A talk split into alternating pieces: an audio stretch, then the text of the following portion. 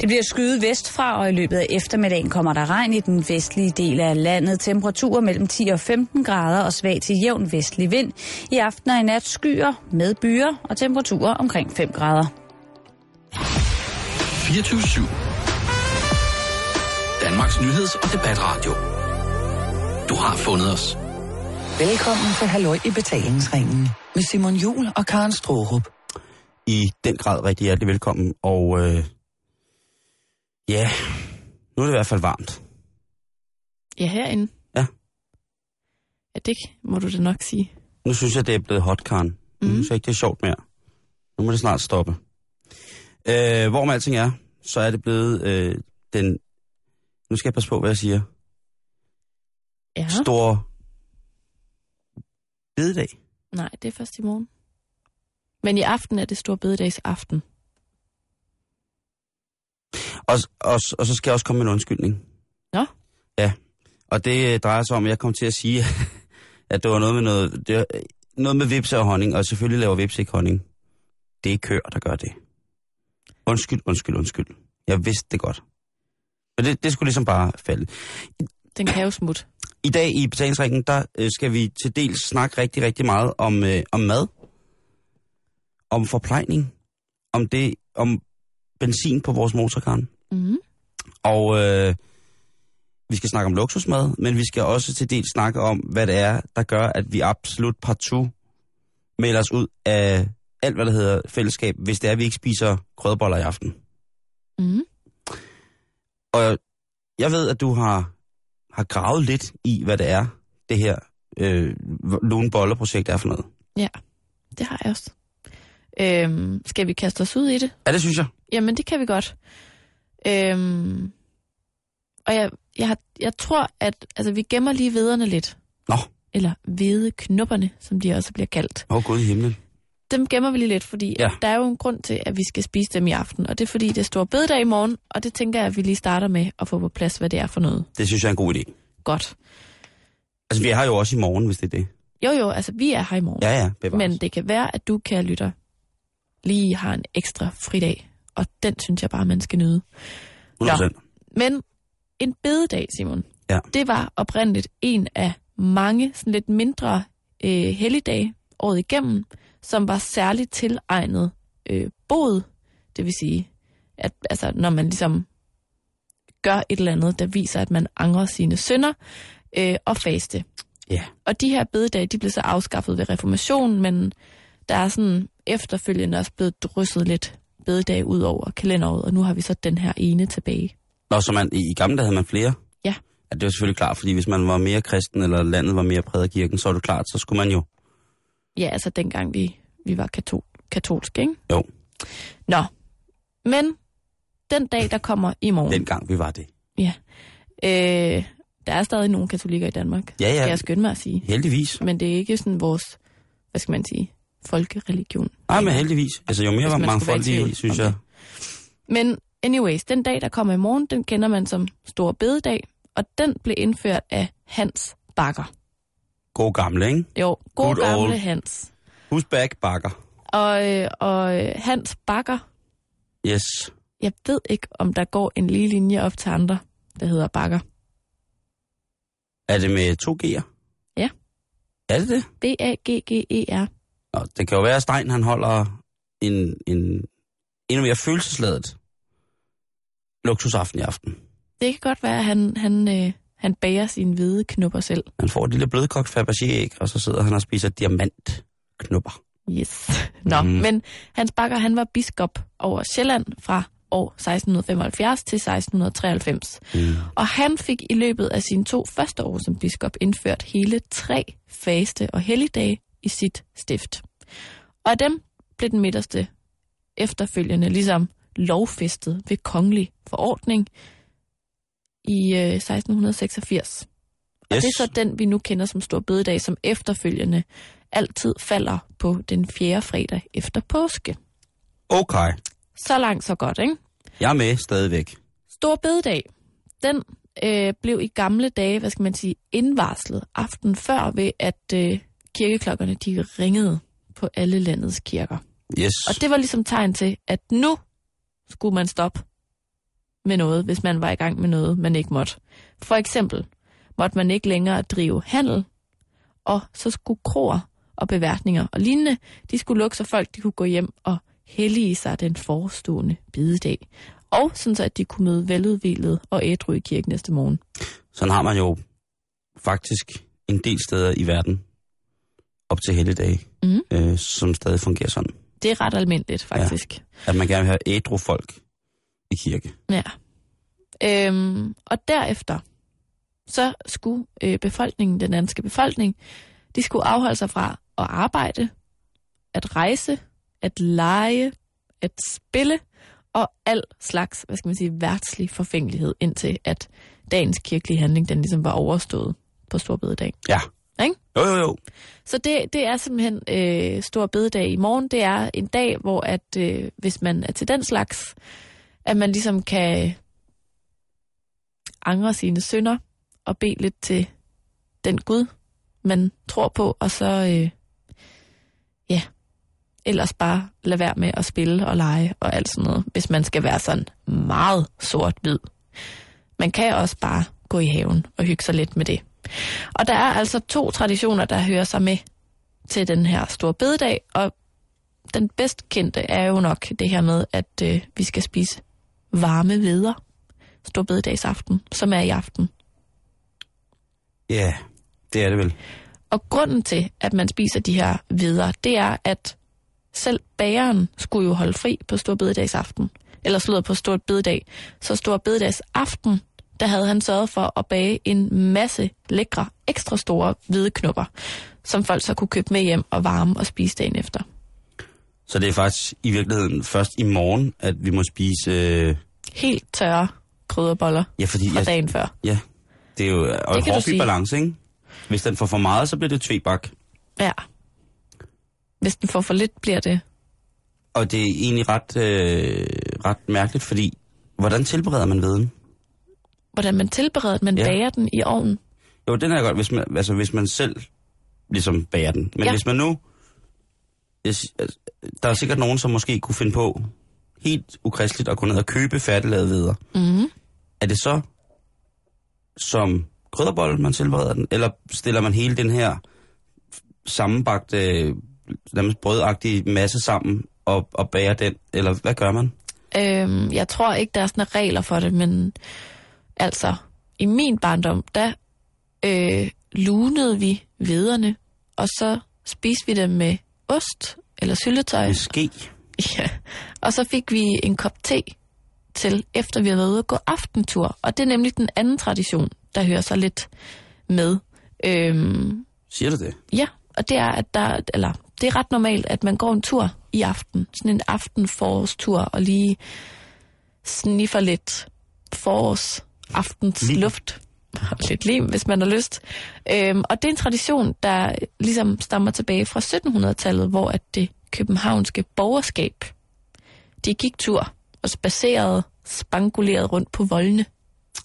Stor bededagsaften. Ah, Ja, ja, ja. Og så kom man hjem, og så hyggede man med veder, med ost og smør og syltetøj. Jeg synes, det er... pålæg. Jeg kan jo godt lide ideen om en, en aftensnack. Ja, det Men- kunne jeg tænke mig. Men som ved alle andre kirkelige handlinger, traditioner holdt hævd, så kan jeg blive lidt i tvivl. Men det lyder fint. Jeg har ikke øh, tænkt mig at spise videre i aften. Nej, Druer? hvide druer. Nej, bare druer. Ja, det kan man også fint gøre. Men For- altså, nu ved man i hvert fald, hvorfor at man har fri i morgen. Og skulle man være i tvivl, jamen så er øh, halvøjbetalingsringen ikke underlagt helligdagen, så vi er her selvfølgelig i morgen på Stor Bededag. Mm. Live i radioen til dig her fra, fra Københavnstrup. Tak for info, Karen. Ja, men det var slet. Jeg synes, det er, øh, det er vigtigt, at vi får, får de der mærkedage med. Også selvom, at, at... Nej, ikke selvom noget, fordi det er rart, at, fordi jeg ikke forstår dem nogle gange. Altså, man kan jo tage det for, hvad det er. Det er jo ligesom, man behøver heller ikke at være mega kristen for at holde jul. Jeg kan huske som barn, der synes jeg, at det var noget af det hyggeligste at gå ned i præstens krat, som er sådan en skov, der ligger ned, hold nu op, der ligger ned ved vandet, og øh, der, hvor jeg voksede op. Og så gik vi tur. Så trampede I rundt. Det hedder præstens krat. Havde I hunden med? Ja, Nå. Ja, men det, Og så gik vi tur, og så kom vi hjem, og så det der med at få franskbrød om aftenen, at det er fy. efter sengetid, ikke? Ja, fy. Det var eddermame hyggeligt. Ja, men det er det også. Også fordi det er fy at spise på det tidspunkt, ikke? Ja, Normalt. Der skulle man da ligge og sove. Ja, ja, Som ja, ja. barn. Og havde børstet tænder. Mm. Nå, men jeg synes, det er en, en god, god idé, at, øh, at du stadig... Skal du ud og træske en tur på volden i aften? Nej, det skal jeg faktisk ikke.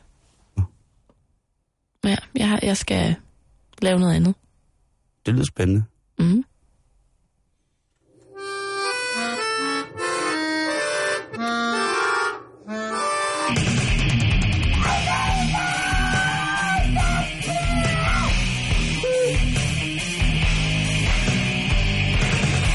Du lytter til Halløj Betalingsringen på Radio 24 /7. Er vi fortrolige? Det er vi vist. Han har en signatur. Signatur? Jeg gøre dig unødigt nervøs, men hvis det her er, hvad jeg tror, det er, så står der en meget farlig person i mørket lige bagved dig under dig. Den kan man jo lige tage med, hvis man går sig en tur på volden i aften. Det er et klip, man ikke kan høre for, for mange gange. Det er et klip, øh, et af de mange dejlige klip, som du finder, Karen. Det var selvfølgelig øh, Ulf Pilgaard fra Nattevagten. Nå, øh, nu skal vi snakke om noget, som måske også kan komme på tale her øh, i, i den her weekend. Der er sikkert nogen, som skal nyde fridagen ved at, at byde ind til en buffet. Selvfølgelig skal man det. Noget familiefrokost, noget et eller andet. Og, og der vil jeg godt øh, byde ind med, at jeg finder en artikel i, øh, i et magasin, som ligesom snakker om sådan tre virkelig luksuriøse spisevarer, hvor de kommer fra og deres historie. Og ting, mm-hmm. som egentlig ikke på den måde påvirker eller er i min hverdag.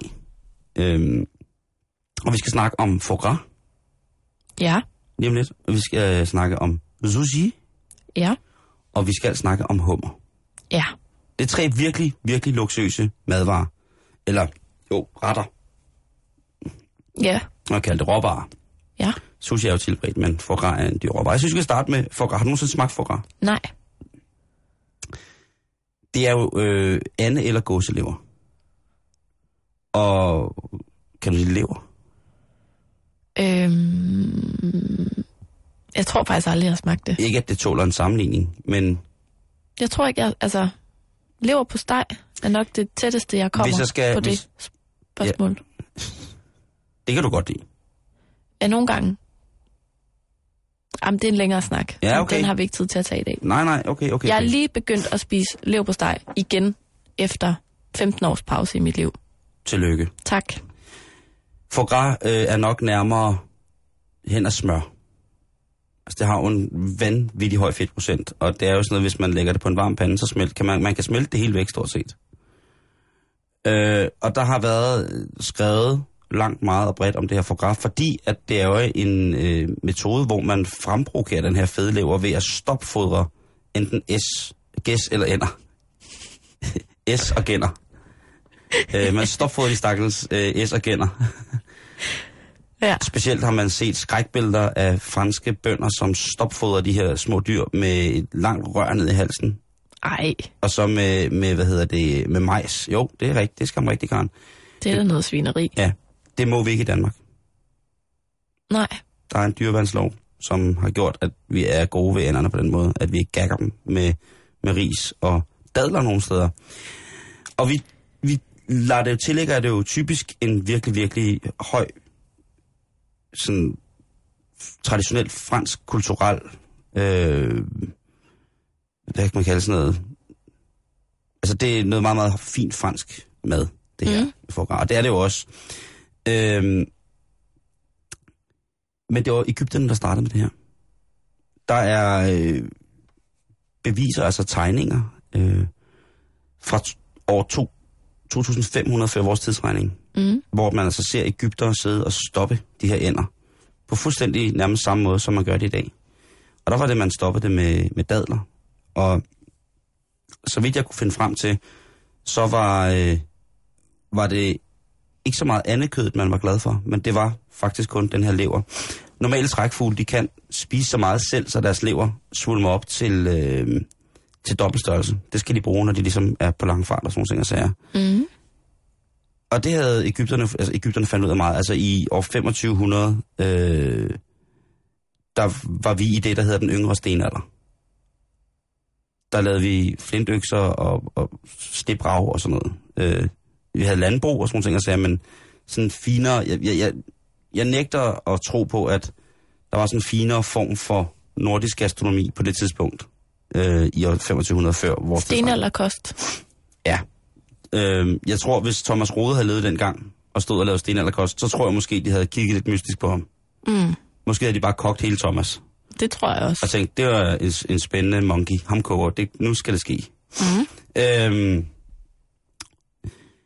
men de Ægypter, de gik altså i gang. Og de Ægypter, de spredte sig jo sådan ligesom ud i, i, i verden. Og ikke mindst, så kom de i kontakt med Romeriet. Og Romeriet tog så også det her til sig. Og i den store... Øh, der er sådan en, en, en klassisk øh, bog, som beskriver det store romerske kejserkøkken. Øh, og der, der er faktisk flere af dem. Men det var sådan meget veldokumenteret. Og der var det også, at øh, foie gras ligesom opstod øh, igen. Man finder foie gras der fra Ægypten, så finder man den så længere vestover her i, øh, i Rom, øh, det her romerske køkken, som en luksusspise. Mm-hmm.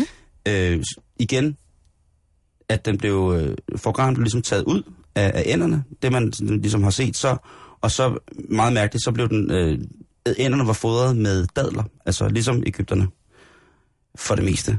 Og de var stopfodret, og så den, det, får, det giver en sødlig smag åbenbart. Men udover det, så varmede man gras op eller stegte den, og så hældte man endnu mere honning hen over den.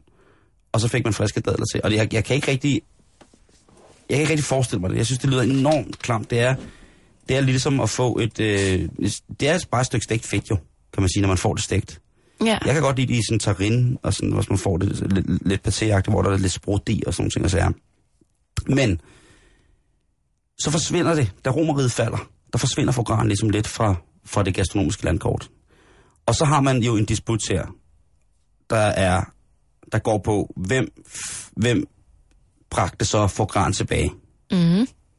Hvem bragte sexy back til, til, til kødbordet, til buffeten af indmad? Franskmændene, de er jo ret sikre på, at det var dem. Ja, det kunne jeg godt forestille Ja. mig. Problemet er bare, at på det tidspunkt, hvor fogram bliver populær igen, der er de øh, franske landmænd, som, bliver, som påråber sig med stor iver, øh, ligesom påråber sig sådan der opmærksomhed om, hvem der bragte tilbage, som værende dem selv. Jamen altså, der var ikke rigtig ender på det tidspunkt i, i landbrug, som man på den måde kunne bruge til det. Der var svin og, og, og, og okse eller ko, det er som det, man ernærede sig mest, mest med. Men stadigvæk, de kunne jo godt have haft ind, og de kunne jo godt mulighed, altså muligheden foreligger der. Det er for så vidt ikke dokumenteret. Noget, noget andet, der, der så er dokumenteret, det er, at man, man siger, at det var jøderne, som ligesom bragte sexy back, eller øh, foie back mm. øh, til borgerne, i, til, og specielt til, de, til den mere vestlige del af, af den gastronomiske udvikling. Og det er sådan set, den kan jeg sådan set godt følge. Øh, romerne var jo øh, gladeligt invaderende i det daværende Judæa, og der har de jo selvfølgelig haft deres spisevaner med. Blandt andet det øh, at spise foie gras. Og nu er det nu engang sådan, at øh, den jødiske chasrut, altså den forskrift, der ligesom beskriver, hvad man må spise, som blandt andet siger, at kød og mejeriprodukter ikke må blandes sammen, Mm-hmm. øh, jo nogle gange har brug for nogle tilberedningsmetoder, hvor der skal steges ting i fedt. Der har man brugt øh, i den, øh, i den sådan mere vestlige del af, af hvad hedder det, de, af jødedommen, der har man brugt olivenolie, og så i den mere østlige, der har man brugt sesamolie. Men man har også brugt det, som der hedder smalts. Og mm-hmm. smalts, det er smeltet fedt fra fjerkræ. Dels fra kyllinger, men selvfølgelig kunne det også være fra foie gras. Ja. Eller fra gåsen. Gåsen er jo, hvis man nogensinde har prøvet at stege en gås til jul, en 84 størrelse. Så der drøber jo godt med gåsefjert af, mm-hmm. når man ligesom har tilberedt sådan en. Så det kunne også godt være. Jeg skal ikke kunne påråbe, hvem der har, har gjort det mere end andre. Øh, fået få gran tilbage efter romerets fald, som jo er en diskussion, man generelt skal tage et par gange om måneden. Ja. Hvem har... Øh, jeg kan bare oplyse om, at det er her, og jeg er faktisk glad for det. Hvordan har du det med, med sådan noget? Åh, oh, det... Nu er jeg jo ikke sådan på den måde den store, øh, hvad hedder sådan noget, dyrerettighedsforkæmper eller indmads elsker. Altså, jeg, jeg er simpelthen så ligeglad, tror jeg. Det er lidt farligt at sige, fordi det er jeg ikke normalt med så meget, men jeg tror lige når det kommer til sådan noget med øh, foie gras. Og så, jeg har ikke noget forhold til det, jeg kan ikke udtale mig om det. Altså, jeg, jeg ved ikke engang, om jeg har lyst til at smage det. Nej. Altså, jeg synes, jeg synes det er noget svineri og opdræt. Altså, fjerkræ på den måde. Altså, især hvis, altså det ved jeg ikke, kan man, kan man overhovedet bruge resten af anden til noget reelt? Altså, bliver det godt kød, resten af anden, af at blive stopfodret på den måde? Det er jo også en skole. Der er nogen, der mener, at det er noget af det mest fantastiske kød, og så er der nogen, der, der mener, at, øh, at det er... Det, kan- det kan man ikke bruge til noget. Altså, hvis, hvis man bruger resten af anden, Mm. så synes jeg, det er fint. Men hvis man bare smider resten af anden ud, eller laver det til, det ved jeg ikke, noget andet, Ja. så synes jeg lidt, det er noget, noget gris, tror jeg. Men jeg ved det ikke, Simon. Altså, jeg har smagt en and, som blev brugt. Mm. Som ligesom var... Det Smagte det godt? Ja, det smagte dejligt. Jeg elsker and. Øhm, det er dejligt kød. Og der, altså, så tror jeg også godt, at... Har du smagt konfi nogensinde, hvor ender... Ja, det er, kan godt være lidt hen ad den smag nogle gange, hvis man får for eksempel stegt foie. Jeg, jeg synes, det er en udsøgt delikatesse. Jeg har det på samme måde med det. Med dyr, jeg synes, det, jeg har et ambivalent forhold til, at det bliver behandlet på den der måde. Og man kan også godt få lever fra ender, som ligesom ikke er opdrettet på den der måde. Og de er mindre, og, og det er som regel, som oftest, er det lidt dyre. ja. Men der er der noget etisk forkert i at gøre det på den måde, synes jeg. Det er, øh, en, der er en kilopris på 350 kroner per kilo for, per foie gras. For frisk foie gras, ikke forarbejdet foie gras. Mm. Så hvis du har en nogenlunde færre slagter, så kan du gå ned og, og, og prøve et stykke der. Det er ikke særlig svært, og det smager, synes jeg, helt fantastisk. Og, Mm. og du, du er lidt ligeglad med det. Kan man spise det på videre? Altså en, en, en klassisk øh, tilberedning af foie gras er jo, at man får den, den fede, fede andelever stegt på et stykke brioche, som er et stykke sødt fransk, sådan nærmest kagebrød. Så kunne man godt bruge en hvideknop. Det tror jeg sagtens. Jeg tror, øh, altså sådan en sandwich der med stegt foie gras og så en hvede, det tror jeg ikke er helt skidt. Mm-mm. Men øh, sikkert også lidt blasfemisk, blasfemisk både på den ene og den anden måde. Sikkert. Karen, hvordan har du det med sushi? Jeg elsker sushi. Det kan du godt lide. Ja, det kan jeg godt lide. Hvad med Leo? Nej. Du har det godt. Sushi, det er godt for dig. Ej, det var sat med dårligt. Jeg bliver også lige hyldet helt ud Ja, det kan jeg godt forstå. Godt forstå. det komiske niveau her i dag. Det er farlig, farlig har gang i, Karen. Ja. ja, det er det sgu. Ej, men jeg kan godt lide sushi. Jeg synes, det smager dejligt. Det kan Leo også. Hold nu kæft. Åh, oh, ja. Det, jeg skulle have sagt, det synes Leo også. Var det ikke det, du lige sagde? Ja, jeg sagde, du sagde, sushi, det smager simpelthen så godt, og så sagde jeg, det synes Leo også. Det gør Leo også. ah, nu stopper Stop, festen. stop, stop, stop. Hvad synes du om sushi? Jeg elsker sushi. Det er absolut en af mine livretter, sådan helt, helt fuldstændig. Mm. Sindssygt lækkert. Og det er jo ligesom det, vi forbinder med, med det noget, der er japansk. Mm. Det er ikke Og- japansk. Mega dyrt. Ja, igen, luksusspis, ikke? Mm. Øhm, det er oprindeligt ikke fra Japan sushi. Nå, Man kan ikke dokumentere det, men man er ret sikker på, hvordan at, at maden eller retten ligesom har rejst fra, øh, fra Mekong-deltaget ind igennem Kina og så videre til Japan. Mm. Sushi betyder i ordets oprindelige form surt smagende. Men i den form, som hvor sushi betyder surt smagende, det er en grammatisk form, altså i, i det her mærkelige sprog, øh, kinesisk-japansk-agtigt, som faktisk aldrig rigtig bliver brugt mere. Det er jo lidt sørgeligt, men ordet består stadig. så man skal sige sushi. Ja, det kan du. Åh, oh, du fortsætter, Karlstrup. At den lå Skide lige, den Ej, det er skide godt. Det er skide godt. Det er skide godt. Mm. Det, ja, det er torsdag. Det er lille fredag, Karen. Ja, det er det altså. Det er øh, mormors pruttehumor, gode vens humor, der kører i dag. Mm. Nej, men øh, simpelthen så betyder det sursmagende. Og det er fordi, at sushi, som vi kender det i dag, det er en ting, som ligesom er ret ny, faktisk. Kom i slutningen af 1800-tallet.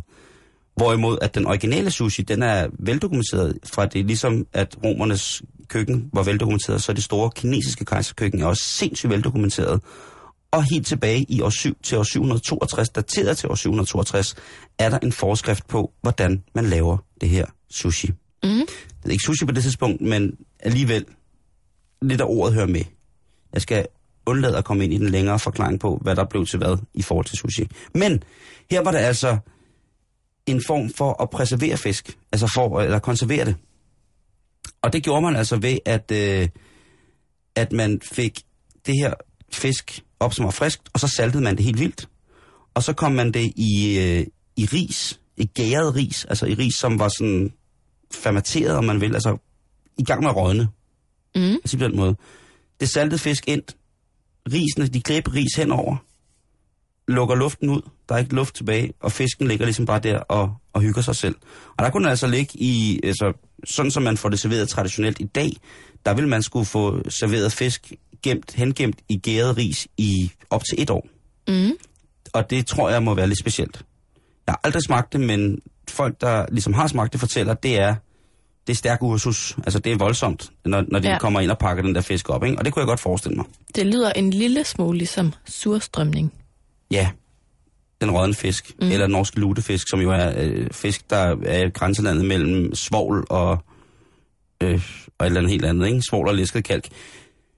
De her, øh, de her ting var jo også bevendte at have med. Altså, som, som hvis man skulle rejse langt, så kunne man have noget, noget, noget rådden ris med fisk ind i med, så man ligesom kunne forpleje sig selv. Og tænke, det lyder lækkert. ja, man tænker, åh, men nu... Røden ris og fisk. Ja, mumsi, mumsi. Men man smed risen væk, Nå, okay. og så spiste man fisken. Mm. Eller brugte den, som vi i dag bruger øh, fiskesovs. Altså, det er jo det repræsentativ i gastronomien, det her med den fermenterede ris og den saltede fisk. Øh, det er jo umami, altså, hvis man kan tale om det. Det, det er det japanske ord for det, men det er jo altså smag, smagen af, om man vil, eller øh, tilstedeværelsen af, af indtrykket gæret protein, eller forarbejdet protein, altså, altså protein, der forarbejder sig selv, ikke? Mm. Øh, nok om det. Men i hvert fald, så kom det jo så også til, heldigvis til Japan. Og øh, der er rigtig mange forskellige former for det, der hedder original sushi.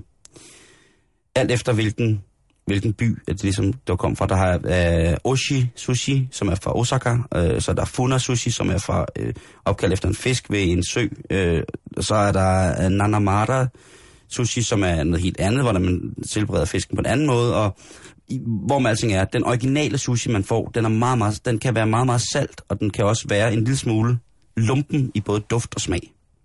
Så har jeg ikke sagt for meget. Hvad betyder lumpen? Ja, det kan godt være et ord, jeg selv har fundet på, men det er øh, øh, en blanding mellem lummer og besk. Mm. Lækkert. Det, øh, det er faktisk ret lækkert, men man skal ligesom også, og det, man kan få det forskellige steder, øh, de her forskellige, helt originale typer sushi, mm. kan man få øh, forskellige steder i Japan, og man, man skal næsten prøve det, hvis man er lige så sushi-gal som dig og jeg, Karen, og man når dertil til Japan, så gå for, den, for the real deal, altså det er en smagsoplevelse af det mere specielle, men også dejligt, når man så får det, som vi vil sige, det er rigtig sushi, det her. Mm. Øh, sushi betyder ikke rå fisk, som nogen tror. Sushi er ligesom kombinationen af et stykke fisk med ris til. Øh, den rå fisk, som vi kender, vil være mere betegnet som sashimi, altså hvor man kun får fisk. Og nogle gange får man så lidt, lidt revet øh, kina-radise til og sådan nogle ting. Altså. Nå, anyways. Den sushi, som vi kender i dag, altså med nigiri-stykkerne og rullerne og sådan nogle ting og sager, den øh, bliver opfundet af en japansk kok, som hedder Hanaya Yohei. Mm. Ja. Øh, og han, øh, han står i toget af det store livstog i 1858, men inden da, Nej, var det for meget. det var, det var simpelthen for stærkt et billede. Det store livstog. Jeg stod af det store livstog. Åh, oh, Simon. Det er torsdag, jeg er fuld. Ja. Ej, undskyld. Fortæl endelig videre. Hvad skete der, inden han stod af det store livstog? Kørte de overhalingsbanen? Øh, Nej. øh, han så træer og buske. Han, øh, nej. Han, øh, Havde han taget for sig i den lille vogn ja, det havde han. Han, øh, han var godt med kørende. livsglæder? Yes, han var godt kørende. Nej. Han havde en lille biks, hvor han solgte, øh, solgte mad. Og der tænkte han, hvordan kan jeg egentlig få mere ud af klappen, hvis jeg ikke skal tilberede så meget? Hvis jeg nu bare har én ting, som er færdigt, og så kan jeg ligesom ud fra det sige, sammen med ris, der kan jeg servere alt muligt. Og der finder han så på at tage den helt friske fisk, og servere sammen med ris. Mm. Altså fisken, og det var faktisk fisken nederst, og så risbollen ovenpå. Det har jeg så vendt, så, så siden lidt. Øhm, nogle gange ville han også, tog han også og dyppede selve hele fisken i, i soja og lave ovenpå. Øh, og risen var, havde fået en, eller fisken havde kunne også have fået lidt, lidt vinedrik af det, som så er kommet over og blevet til den marinade, man kommer i sushi når man, når man spiser det, der gør, at sushi er lidt surt og lidt sødt. Mm. Øh, han er ligesom den moderne sushis oldefar. Og hans type sushi, det hedder Edomae sushi. Og Edo, det er, det er det gamle ord for Tokyo. Det var det, Tokyo hed, før det hed Tokyo. Øh, og Mae, det er så øh, den bugt, som der ligger ved Tokyo, eller den fjord. Det betyder bugt eller fjord på japansk, har jeg fået læst mig frem til. Mm. Så det er ligesom Tokyo sushi i virkeligheden. At, betyder Okay. det bare. Tokyo Fjord sushi. Og det blev et kæmpe hit. Det blev fast food. Og det skulle ligesom være noget, som han mente, at, altså japanere er jo så praktiske. Så det skulle være noget, man bare lige kunne spise med en hånd, lynhurtigt, ikke? Jo. Og, øh, og det gør han så øh, ret godt og grundigt, således øh, faktisk så godt og grundigt, at det bliver en hofret.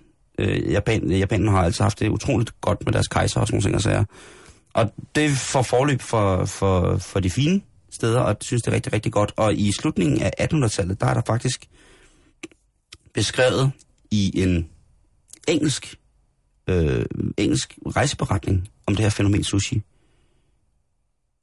Og det synes jeg er ret sjovt, at det faktisk har været i Europa så mange år, ikke? Øh, de havde jo Hongkong derude, og te-ruterne og sådan og så, så de har været meget om sig, men sjovt, at sushi bliver beskrevet allerede i slutningen af 1800-tallet i en engelsk rejseberetning. Det kan jeg godt lide. Mm. Øh, dronning Victoria fik det øh, ved et officielt besøg i, i Japan, fik hun faktisk serveret sushi. Der er ikke nogen yderligere kommentarer, men det er bare en fakt, at det var på menuen, øh, som er altså noget af det fineste, øh, kejseren serverer. Og det er meget, meget fint øh, i, i Japan. Men det er også husmandskost. Men det er sjovt, fordi risen har de en meget, meget stor respekt for. Ligegyldigt hvad. Øh, for eksempel er det, det kan være ret fornærmende for nogen, hvis man tager heller ris, øh, soja på sin ris i, Nå. i Japan eller Kina. Eller, fordi det er ligesom sådan en ærefuld afgrøde. Det er noget, som der har, landet har bestået af, fået landet til at køre rundt i så mange år. Jamen det er ligesom bare heldigt. Ligesom at det også er rigtig rart. At, øh, man tænker, ej, så giver du ris til guderne, når du sidder der, lille ven? Og det er, ligesom, det er faktisk noget af det fineste, man kan... Man ligesom, ligesom, det, er, det er de rigtig, rigtig glade for, det der ris. Øh, og på sådan fine sushi, rigtig, rigtig, rigtig sådan virkelig traditionelle fine sushi-restauranter, der får du heller ikke øh, wasabi og sojasauce og sådan noget til, til din, til din, til din sushi. Til dine ruller. Ja, eller ruller. Øh, Du får altså et stykke af gangen serveret af kokken, der står og laver det, og så kan du, så spiser du en Okay. mundfuld med, med fingrene. Sådan. Yes. det kan man stadig få tre Michelin-stjerner for at kunne gøre. Mm. Og det, der er jo ikke rigtig nogen kilopris på sushi, eller sådan ligesom at vi snakker om, at øh, foie gras koster omkring 360 kroner kiloet. Øh, øh, der er øh, selvfølgelig en kilopris på det fisk, man bruger. Ja. Hvis man vælger at spise sashimi af, af ufugu, som er den giftige fisk, som indeholder gift, som man skal ifølge bøgerne være øh, specielt i lære, som sushi-kok får ligesom at få lov til at skære i, jamen så kan du godt komme op og betale for en menu omkring mellem 5 og 8.000 kroner for en menu kun med den fisk. Og hvis du vil have et almindeligt stykke øh, running sushi, altså det er sushi, hvor man bare sidder og spiser, hvor sushien bare kører rundt, Mm. du ved, så kan du få et rigtig, rigtig sindssygt lækkert stykke sushi i, i, i Japan på en, på en sushi-bar et eller andet sted for, for 8 kroner. Altså, jeg har jo en teori. Fortæl mig den. En konspirationsteori. Yes! Det plejer altid at være mig, der har dem. Og det kan godt være, at jeg får på munden nu, for at sige det her Ja. direkte i radioen. Men sushi er fuldstændig afsindig urimeligt dyrt i Danmark. Ja. Og jeg tror, at det er fordi, at, man, at, at, at vi finder os i at betale så mange penge for det. Mm-hmm. Fordi hvis du for eksempel bare lige smutter over til svensken, hvor Ja. ja. jeg er gerne flere gange om året, Ja. altså der, der er det næsten halv pris. Altså på at gå ud og spise sushi eller købe takeaway med hjem. Altså, Ja. Og der kan jeg ikke lade være med at tænke, at det er fordi, at, at vi ligesom fra starten har fået præsenteret den her spise som noget meget fint og eksklusivt. Ja. Så vi ligesom bare har fået sat et prisleje, der er fuldstændig latterligt i forhold til, hvad råvarerne koster. Ja. Igen, jeg har ikke forstand på det. Det, det er for egen regning. Jeg men jeg, enig. har bare, Jeg jeg har bare tænkt over, at jeg synes, det er utrolig dyrt at købe sushi i Danmark. Jamen, jeg er enig, og jeg er også enig om, at man må være, godt være pissehammerende kritisk, når man går ud og køber sin sushi, når man så betaler så meget for det. Ja, fordi man kan også godt risikere at købe dårlig sushi, Lige og præcis. stadig betale 500 kroner for 12 ruller. Hvis man får takeaway og sådan nogle ting og sager, jamen altså, tag dine bokse op, åbn dem og duft i dem, når du står nede på sushi-baren. Det må man altså gerne. Mm-hmm. Det er så dyrt, så det må man gerne. Der er, selvfølgelig er det også dyrt at købe hakket oksekød, hvis man køber nok af det, men det, man, man åbner jo ikke bare oksekøden i supermarkedet. Men når du er på en restaurant eller en takeaway, og du får sushi med hjem, så må man godt lige tjekke, at du ved, det er det varme, der står øverst, og det kolde, der står nederst, og så fremdeles, at hvis man har fået noget varmt med, at det ikke er overkogt eller bullerkogt, og at, at det må man gerne. Mm. Det er jo altså priserne, for, for det man køber seks stykker sushi for, eller otte stykker sushi for på, en, på en, en, et populært sushi-spisted i, i, det kunne være Aarhus eller Aalborg eller København, ikke? Jamen, der kunne du jo nemt bespise fire mennesker, ikke? Jo, Nemt. nemt. Altså, Og øh, til dagen efter også sagt det, ikke? mm. Så vær kritisk over for det. Øh, fisk skal ikke lugte af fisk. Slut på finale. Sådan er det bare. Slut. Det skal ikke lugte lumpen. Blandingen af lummert og biskt. Ej, det, det skal det ikke. det er det ikke, men det er sindssygt lækkert. Og så er det jo en fest at lave selv. Mm. Fuck om det kommer til at ligne det på billederne. Øh, når man først lige har fået lært at koge sushi og lave den der eddike, så, så kører det. Ikke? Jo. Har styr på, hvilken fisk du kommer ovenpå. Ej, det kunne man også lave i morgen, hvor man er fri. Så lave sushi. Ja, så skal du bare huske at familien. købe ind i dag. Så skal man bare skynde sig ned til fiskemanden i dag. Lige præcis. Men altså, øh, sushi, dyr, dyr ting. Slet ikke fra Japan. Men stadig dyrt og lækkert. Hummerkarn, Ja, det er dig. det er jo mig. De kalder hummerkarn. Og øh, hvor- hvordan har du det med hummer? Kan du lide hummer? Ja, Det smager dejligt. ja det gør det. Det Men smager- jeg skal indrømme noget over for dig, Simon Mhm. mm-hmm. Juhl. Jeg har kun smagt det, hvor det er dig, der har tilberedt det Nå, i sommer. ja, det var, det, det, der, det var jo også luksus. Det var, jo det var luksus. fuldstændig ustyrlig luksus. At vi fik lov til at købe ægte, ægte Nordsø blåhummer og tilberede. Hvad var det nu, du lavede? Hummerbisk. Hummerbisk fik vi. Ja, Og vi fik også stegte hummerhaler og sådan noget. ja, det smagte rigtig, rigtig godt. Ja. Det vil jeg gerne afsløre. Det er jo også, øh, altså, hvad kan blive dårligt med et halvt konjak, halvt fløde? Mig. Ja, du kan... Nej, den kører. Den kører fandme hurtigt i dag. øh, det er fuldstændig rigtigt. Øhm, Hvad kan du fortælle mig om jeg kan fortælle, at øh, hummeren, da de, de dumme europæer kom til USA, ligesom var jo en naturlig del af de indfødtes øh, spise, når de var ved kysten. De nordamerikanske indianer. Mm. Øh, og når det var lavvandet, så var det faktisk sådan, at man kunne gå ud og, og pille hummerne selv øh, oppe ved Nova Scotia og deroppe af. I, i, øh, I Maine, for eksempel. Som jo i dag lægger navn til en af de mest berømte hummer i hele verden, Maine-hummeren. I hvert fald, så øh, kom de dumme europæer selvfølgelig og skulle udlægge alt, så de begyndte at rovfiske på det her. Øh, de, de kunne spises for helvede. Jo, Og der var nok for helvede. Så nu fanger vi det for helvede, og så æder vi det, fordi det er billigt.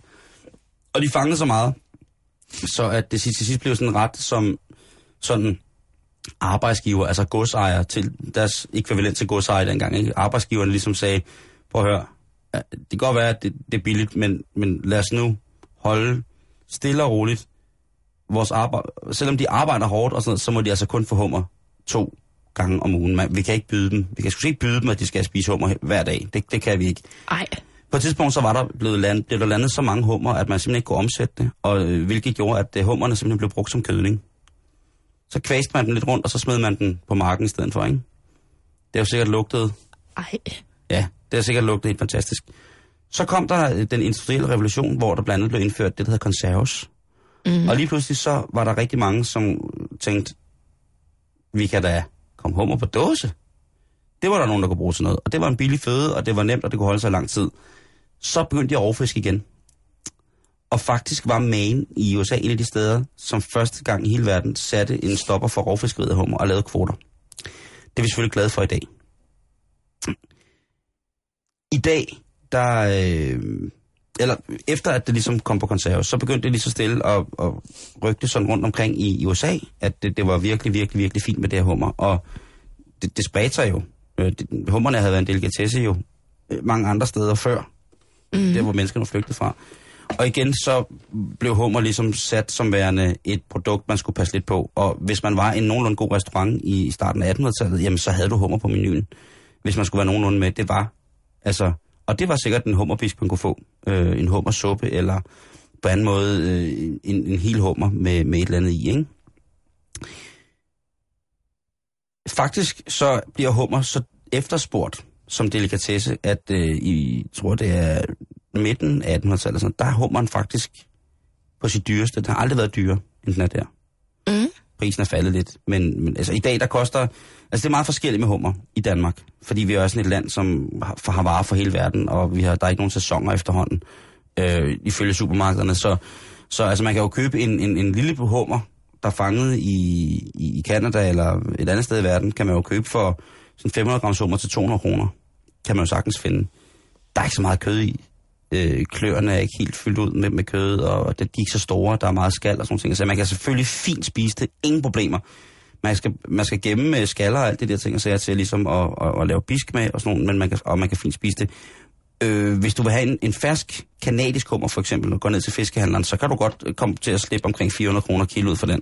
Og hvis du vil have den store, flotte nordsøhummer, den store blå hummer, sådan en mørkeblå hummer med sådan en lille smule lysninger i, i skjoldkanterne forledende på haleskjoldet, så kommer du altså op og betale kassen for det. Ikke? Altså, der starter vi ved 650 kroner kiloet for de rigtig, wow. rigtig, rigtig, rigtig, rigtig flotte store hummer, ikke? Øh, tusind år gammelt kræg, ikke? Som man store klør, og jamen altså, selvfølgelig heller ikke for gammelt, men, men wow, altså det er også, det er den bedste hummer, jeg har smagt i hele mit liv nogensinde. Det er den hummer, man får deroppe fra. Mm. Og det synes jeg, det, det er ret fantastisk.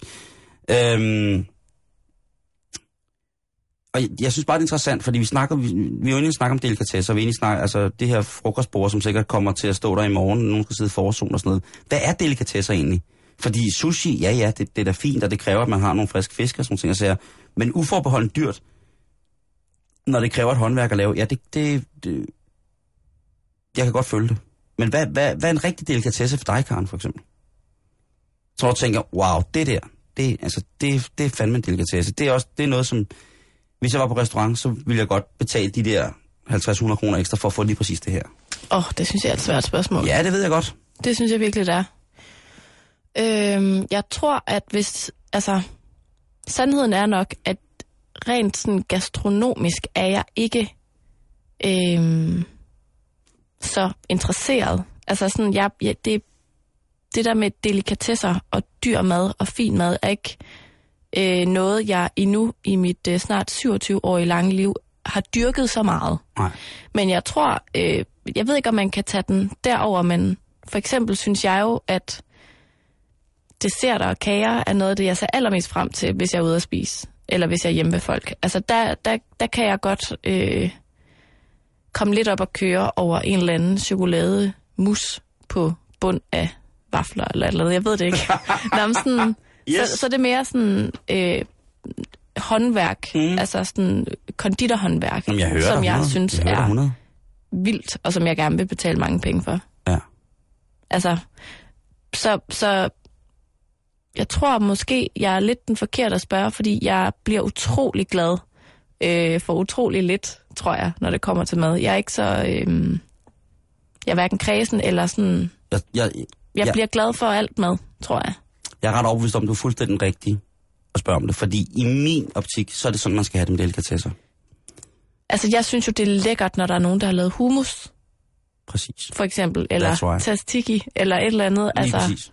øh, jeg kan godt lide god mad, som folk har brugt kærlighed på, men det behøver ikke at være en eller anden speciel fond, det Det er er, lavet på. altså, det, det er det, jeg gerne vil hen til. Ikke? Altså, vi, der bliver, vi bliver jo pumpet i hovedet og modsat af, af, af tv-kokke, dameblade, opskriftsmagasiner og sådan ting og sager. Udødelige, øh, øh, ligegyldige madprogrammer, som jeg selv er med i og sådan ting og sager. Men delikatessen er vel i virkeligheden, fordi at smag altid skal diskuteres, synes jeg, på mange punkter. Mm. Delikatessen er vel, synes jeg, det som man umiddelbart finder et utroligt velbehag ved.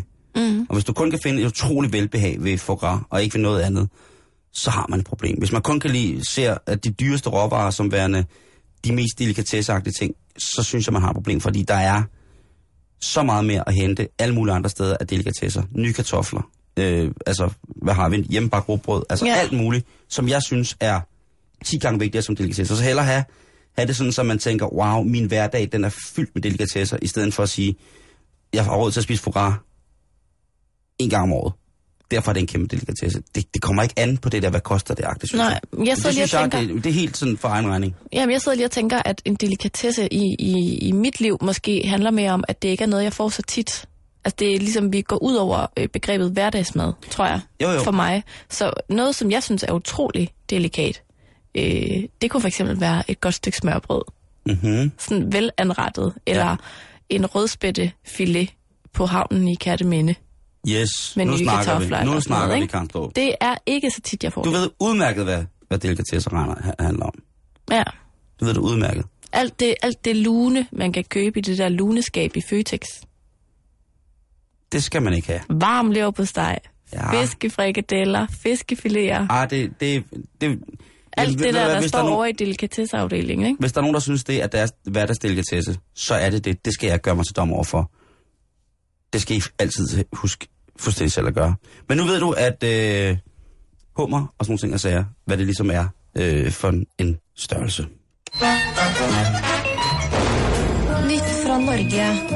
Nå tenker jeg verden har ventet på mine budskap. Her går vi inn. En, to, tre. Ja, så er det jo torsdag, og det betyder, at vi skal kigge på nyt fra Norge. Yes, Og Karen, den er rygende gal oppe i Norge. det synes jeg, den er hver torsdag. ved du hvad? Hold. Altså, siden at, øh, jeg ved snart ikke hvad, øh, siden OL i Lillehammer har, øh, har Norge ikke været på så stor en anden ende.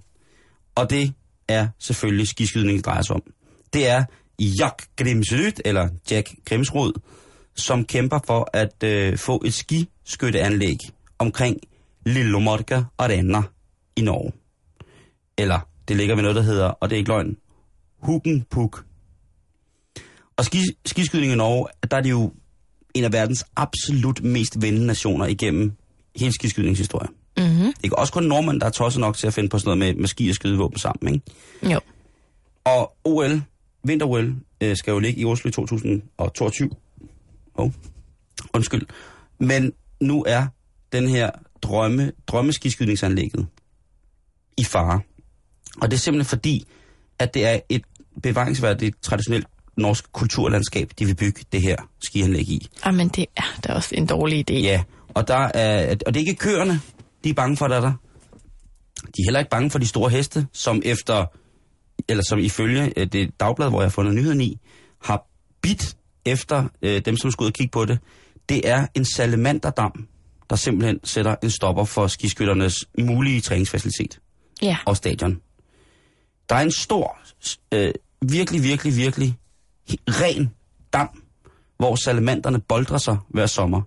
Den dam vil man nødvendigvis være nødt til at sløjfe, hvis det var, at man skulle have anlagt et skiskydningsanlæg. Og det vil øh, Norske Naturstyrelse og alle mulige andre, jeg ved ikke, om de har noget, der hedder salamanderens venner, det gider de simpelthen ikke finde sig i. Mm-mm. De rasende, de tossede, og øh, langt hen ad vejen nu, altså det, det er simpelthen gået så vidt, så nu er det kommet op på regeringsplan. Så vigtigt er skiskydning i Norge. Yes. Ikke? Så vigtigt er det. Mm-hmm. Så nu bliver det diskuteret, og, og Jack, som han hedder, Jack Grimsrud, han er øh, fortrøstningsfuld og siger, at han dog stadig håber, at, at det vil ske. Men det er også sådan, at skiskydningsanlægget kan ikke lægges om i forhold til måske at blive lagt udenom salamanderdammen. Salamanderne er så følsomme. Åbenbart. Mm. Så skal helt ro. Skal helt ro. Ikke nogen, der skal forstyrre salamanderen. Den skal have helt ro året rundt til at kunne gå og sunde sig og gøre sig klar til at lave salamanderbørn. Mm. Og det er åbenbart ikke så tit, at det sker i Norge. Og det skal jeg selvfølgelig også beklage, at det, det, det er klart. Men så du, bare så du ved det, at når du ser skiskydningsanlægget til vinter-OL 2022 i Norge, så tænker du, den historie kender jeg. Så kan man lige, hvis man er i et, et selskab, lige komme med en fun fact. For, fortæl, vidste de, at den her skiskydningsarena, den blev flyttet til fordel for et, en salamanderdam, bidende heste og sådan øh, rimelig forholdsvis fredelige køer.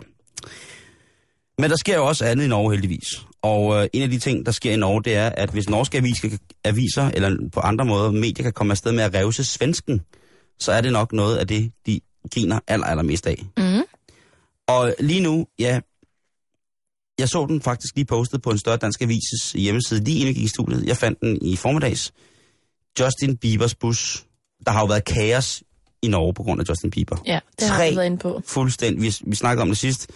Justin Biebers privatchauffør får taget kørekortet. Han må aldrig køre bil i Norge mere. Han var ved at køre ud i, jeg ved ikke hvad, af skrigende fans og sådan nogle ting og sager. Justin Bieber selvfølgelig på Skandinaviens tur. Stockholm. Han rammer Stockholm, Justin Bieber.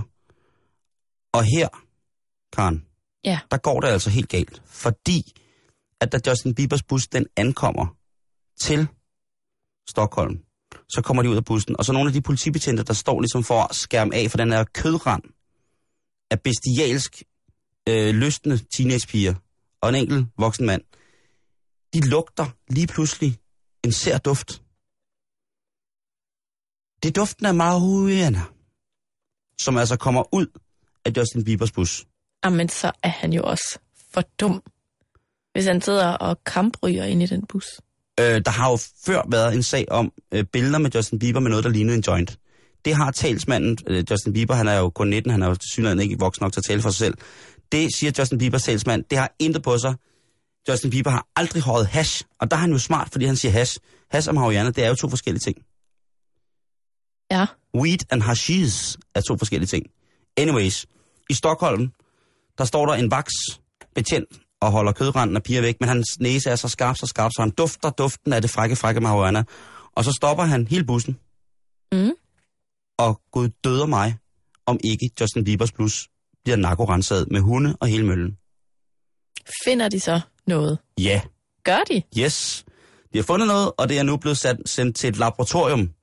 For jeg tænker, at det har De selvfølgelig ved ikke ikke, været... hvad det var, de fandt. Nej, det, de har fundet øh, oregano eller noget myntete. Og jeg, Uran. Jeg, jeg, uran, lige præcis. Og det er jo fuldstændig lige meget. Det kan han bare køre rundt med, som han lyster.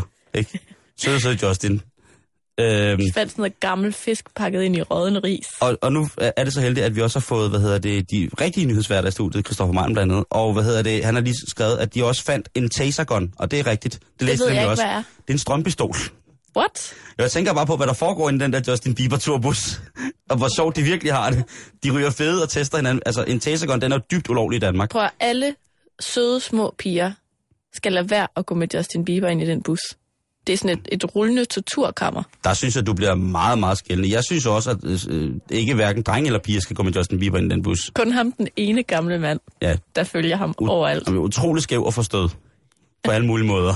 Han håber sådan, at han må være med næste gang. Lige præcis. Og jeg, tæ- jeg tænker bare, øh, umiddelbart så var der en DJ, som virkelig, virkelig, virkelig, virkelig tog skylden for det her raballer over i, øh, Nå, over i, i Stockholm.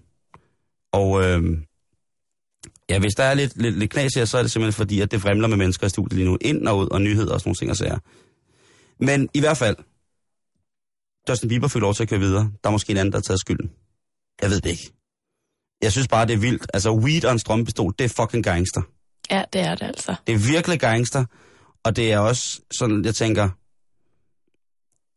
Der var også en sag, hvor Justin Bieber her, øh, jeg har fundet en, et udklip, hvor Bieber-ekspert Hillevi Forsman, svensk Bieber-ekspert, udtaler, at øh, hun er flov på hele øh, apparatet omkring Justin Bieber-fænomenets vegne, over at der bliver fundet ting som en tasergun og weed. Prøv at høre, drengen han er 19 år. Hvad fanden skulle der ellers være i den bus? Ja, det ved jeg da ikke. en bibel og en flaske Fun Light. Selvfølgelig skal der være weed, og selvfølgelig skal der være en strømpistol. Prøv, han er ude at rejse, han er væk fra sine forældre. Han er på lejerskole. Så tilfældigvis optræder han for omkring øh, 100.000 mennesker Ja. hver aften. Men bare fordi du er Justin Bieber, så gælder loven altså også for dig. Sådan, Karen Strup.